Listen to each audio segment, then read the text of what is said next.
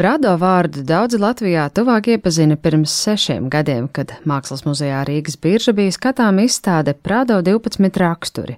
Tā bija pirmā reize, kad pie mums bija skatāmi Spānijas slavenākā mākslas muzeja darbu oriģināli, un publikas interese bija milzīga. Izstāde apmeklēja 75 tūkstoši cilvēku. Tagad Pradām muzejs atgriezies Rīgā ar pavisam citādāku projektu. Pilsētvides izstādi, kuras mērķis ir popularizēt muzeja kolekciju caur pastaigas laikā apskatāmām gleznu reprodukcijām. Tā ir daļa no Spānijas kultūras diplomātijas programmas, sākot prezidentūru Eiropas Savienības padomē. Uz izstādes atklāšanu Rīgā ieradies arī Prado muzeja direktors Migels Falomirs Faus, kurš ar lielu lepnumu saka, Prado nav vienkārši mākslas muzejs.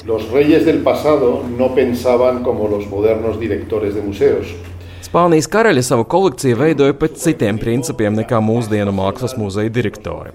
Viņi izvēlējās māksliniekus, kas viņiem pašiem patika, un no tiem centās iegūt pēc iespējas vairāk darbu. Viņa vairāk balstījās emocijās, nevis prāta apsvērumos, un necentās iegūt gleznas no visiem laikmetiem, reģioniem un māksliniekiem. Mūsu muzejā ir apmēram 200 gojas darbu, 100 Rubensa darbu, 50 Ticiāna darbu. Nevelta Prado muzeju reizēm dēvē nevis par gleznu muzeju, bet par gleznotāju muzeju. Con razón se ha dicho que el Museo del Prado es un museo de pintores y no de pinturas. Prado muzejs durvis apmeklētājiem vēra 1819. gadā, un tā pamatu veido 16., 17. un 18. gadsimta Spānijas monarhu sakrātās kolekcijas. Ar laiku tās papildinot, Prado kļuvis par vienu no nozīmīgākajiem pasaules muzejiem, kas aptver Eiropas glezniecības panorāmu gandrīz tūkstošu gadu garumā. Kad vēlāk tiekamies ar muzeja direktoru Miguelu Folomiru Fausu esplanādē, Es jautāju viņam, kā muzejs ir veidojis gleznu izlasi savai pilsētvidas izstādē. Well, we so we... Šajā izstādē mēs mēģinām parādīt Prado muzeja lielo bagātību. Šeit ir gleznas no viduslaikiem līdz pat 20. gadsimta sākumam, līdz kuram sniedzas mūsu muzeja kolekcija. Mēs sākam ar sienu gleznojumiem no mazās Kastīlijas baznīcas un beidzam ar Hokīnu Sorolju, kura nāves simto gadu dienu šogad pieminam. Esam centušies parādīt arī dažādas glezniecības skolas. Šeit ir pārstāvēta flāmu, vācu, itāļu, franču un, protams, arī spāņu skola. Jā, te nav pārstāvēta tikai spāņu glezniecība. Prado muzejs savulaik tika dibināts, lai popularizētu tieši spāņu mākslu, bet par laimi muzeja veidotāji ātri aptvēra, ka karaliskajā kolekcijā ir pārāk izcili citu valstu meistardarbi, lai tos neizrādītu muzejā. Pateicoties tam, mūsu muzeja kolekcija ir ārkārtīgi bagātīga. Izstādē skatāmi lielformāta darbi un to fragmenti. Ja gleznas oriģināls ir lielāks par izstādes stendu, tad izkadrēts tikai gleznas fragments, ko var apskatīt tūplānā, bet stenda sānu malā ir redzams pilnais gleznas attēls un apraksts. Reprodukcijas šai pilsētvidas izstādē veidotas stingrā Prado muzeja ekspertu uzraudzībā, lai saglabātu precīzu krāsu paleti. Kopš 2015. gada tās ceļo pa visu pasauli, un pērn bija apskatāmas arī tepat kaimiņos Tallinā. Or its doors and wait for, you know, Come, you know? Muzejs nevar vienkārši atvērt savas durvis un gaidīt, ka visi nāks iekšā. Ir jāmēģina aizsniegt arī tos, kuri par tevi nezina, un parasti muzejs neapmeklē. Tā bija mūsu sākotnējā doma - popularizēt Prado muzeju attālās pasaules vietās. Sākām ar Latīņu Ameriku, kur mūsu kopīgās vēstures dēļ muzejs ir labi zināms, taču daudzi nevar atļauties atbraukt uz Spāniju un apmeklēt to klātienē. Šī izstāde izvērtās ļoti veiksmīgi, un mēs sākām saņemt uzaicinājumus arī no citām pasaules malām. Kopš tā laika ar šo izstādi esam bijuši četros kontinentos un vairāk nekā 30 valstīs. Viena šāda izstāde ceļo arī pa Spānijas attālākajiem reģioniem. Prado muzeja izstādes atklāšanā satiek arī Latvijas Nacionālā mākslas muzeja direktori Māru Lāci un kolekciju un zinātniskās izpētes nodaļas vadītāju Aiju Brasliņu. Prado tas ir vesels jēdziens. Tā ir vesela pasaule, kas ļoti labi raksturo pirmkārt šo savā laikā ieinteresēto personu, varētu teikt, monarhu interesi, aizrautību, arī šīs emocijas, teiksim, kad viņi ir veidojuši kolekciju. Un tas ir muzejs, kas ļoti mērķiecīgi un prasmīgi, es gribētu teikt, visā tālākajā vēsturē ir spējis dzīvot, strādāt un aiziet līdz tiem 200 gadiem, ko viņi svinēja 2019. gadā.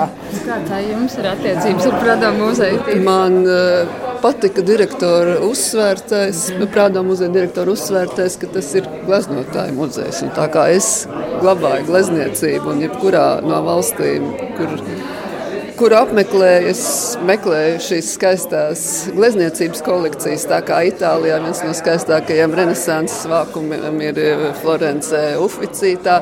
Man Prādo asociējās tiešām ar šo gadsimtu gaitā spāņu monarhu uzkrāto milzīgi apjomā lielo, bet arī ļoti izcilo darbu izlasīja, kas, protams, spāņu pašu mākslas vēsturi vislabāk tiksim, var ilustrēt, bet tur ir arī brīnišķīgi boska darbi.